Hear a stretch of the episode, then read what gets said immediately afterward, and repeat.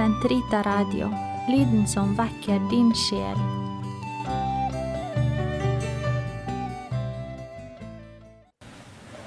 Kjære kristne. I dagens første lesning fra apostlenes gjerninger om kirkens første dager, så møter vi Paulus og hans nære og faste medarbeider Barnabas. La meg tillate meg å si litt om Barnabas, for mange forveksler ham med Barabbas. Nei, dette er en Guds mann. Han kalles til og med apostel, akkurat slik som Mattias, som vi feiret i går. Og glem ikke at vi har også hatt en egen misjonsorden, den har vi fortsatt, som vi kaller Barnabittene. Og vi har her i Norge også nytt godt av dem og bidratt til deres historie. Den ærverdige Carl Schilling, f.eks., som vi har relikvier av i vårt høyalter, han er nettopp en barnabitterpater. Men de er altså ute på sin første store misjonsreise, og de bygger kirken overalt. Nå er det så klart at kirken er ikke begrenset bare til den lille rest av Israels folk, dvs. Si de jøder som antar evangeliet om Jesus. Nei, hedningefolkene er på full vei inn i kirken. Og vi får et lite bilde av hvordan kirken vokser. Det er snakk her om at de la hendene på de presbytere som de valgte til å lede hver enkelt menighet. Altså, de ordinerer prester, ville vi sagt i vår tidsspråk. Og merk, det skjer under faste og bønn. Kirken er ikke et organisert maskin eller apparat som lever sitt liv uavhengig av de indre og viktigere verdier. Nei, derfor minnes vi om en prest. Det er ikke en som påberoper seg en fagforening, og som da skal kunne ha rett til å ha fri f.eks. i påske annethvert år. Nei, det er et kall, og det overgis under faste og bønn. Denne kirken som da vokser frem, den får vi også en annen visjon av hos apostelen Johannes i hans åpenbaring, som han sitter i husarrest, kunne vi si, på øya Patmos og skriver. Jeg, Johannes, så en ny himmel og en ny jord, for den første himmel og den første jord var forsvunnet. Det vil si, det er den nye tid i Kristus som har begynt. Og nå leste jeg ikke det siste av den siste setningen. Det står 'Og havet fantes ikke mer'. Det er litt rart for en som lever i Norge.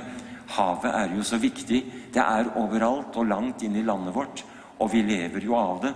Ja, som det heter litt lyrisk, havet, det er vår åker.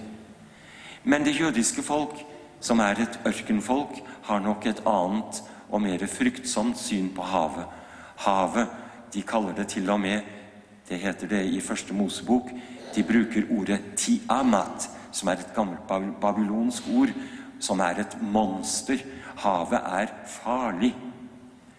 Og vi husker også at Gud splittet havet slik at de kunne gå tørrskodd igjennom. Det er på den bakgrunn vi må forstå uttrykket 'havet fantes ikke mer' som et uttrykk for noe positivt. Men så, og der kan vi møte våre jødiske brødre og søstre, jeg så den hellige by, det nye Jerusalem, komme ned fra himmelen. Det er det positive. Det er det som teller. Og det er nettopp det vi også ser i sammenheng med Kirken. Jeg kan ikke dy meg. Vi sitter jo i Nordens Jerusalem, slik at faktisk vår egen by er også blitt sett på som et hellig avbilde av Jerusalem. Og alt dette fordi vår tro er konkret og materiell. Vi har ikke en slags åndelig, luftig forståelse kun av det nye liv. Nei, vi lever det, ja, ikke sant, her i vår kirke. Og det er det nye liv som også i dag skal næres av vår deltakelse i eukaristien.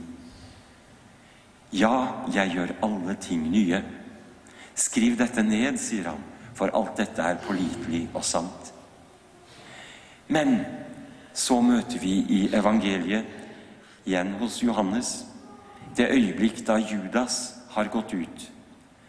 Og i dette skrekkelige øyeblikk med svik og forræderi, så sier altså Jesus nå er menneskesønnen nådd frem til sin triumf, og hans triumf er Gud til ære. Elsk hverandre. Det er ikke noe som Jesus har funnet på. Det går igjen i hele åpenbaringen fra også Det gamle testamentets tid. Men det er konteksten, det er sammenhengen her, som er det spesielle.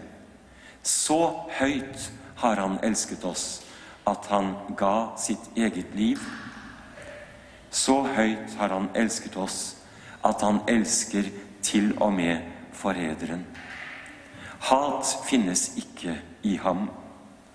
Og det er det som også er denne nye verden, og vår plass i den er nettopp kjærligheten.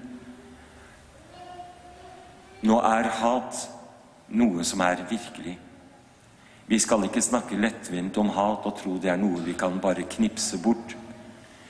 Vi kan forstå når vi får disse grusomme klippene i fjernsynet for tiden fra mennesker som både har mistet alt de eier, og blitt mishandlet i krigens gru.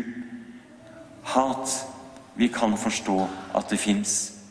Men oppfordringen til oss og til også de som lever i sterkere forbindelse med hatet, det er nettopp det som også en kvinne i en ukrainsk landsby sa på fjernsynet her forleden. Jeg har min Gud, jeg har min tro, og i den så faller hatet bort. Jeg forsøker å leve i kjærligheten. Elsk hverandre. Det er så enkelt når det er folk vi liker, og som vi har sympati for. Men hva med, som jeg sier, det verste er vel en uvenn. En venn som ikke lenger er en venn. En som har sveket oss. Er vi i stand også da til å la kjærlighetens kraft arbeide i oss? Hør, det er en dom nesten som kunne ligge i det motsatte. For for alle skal det være tegnet på at dere er mine disipler, at dere har en slik innbyrdes kjærlighet.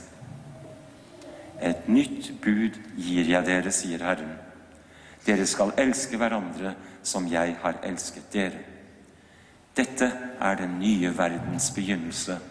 Dette er det himmelske Jerusalem iblant oss, ja, i oss. Amen.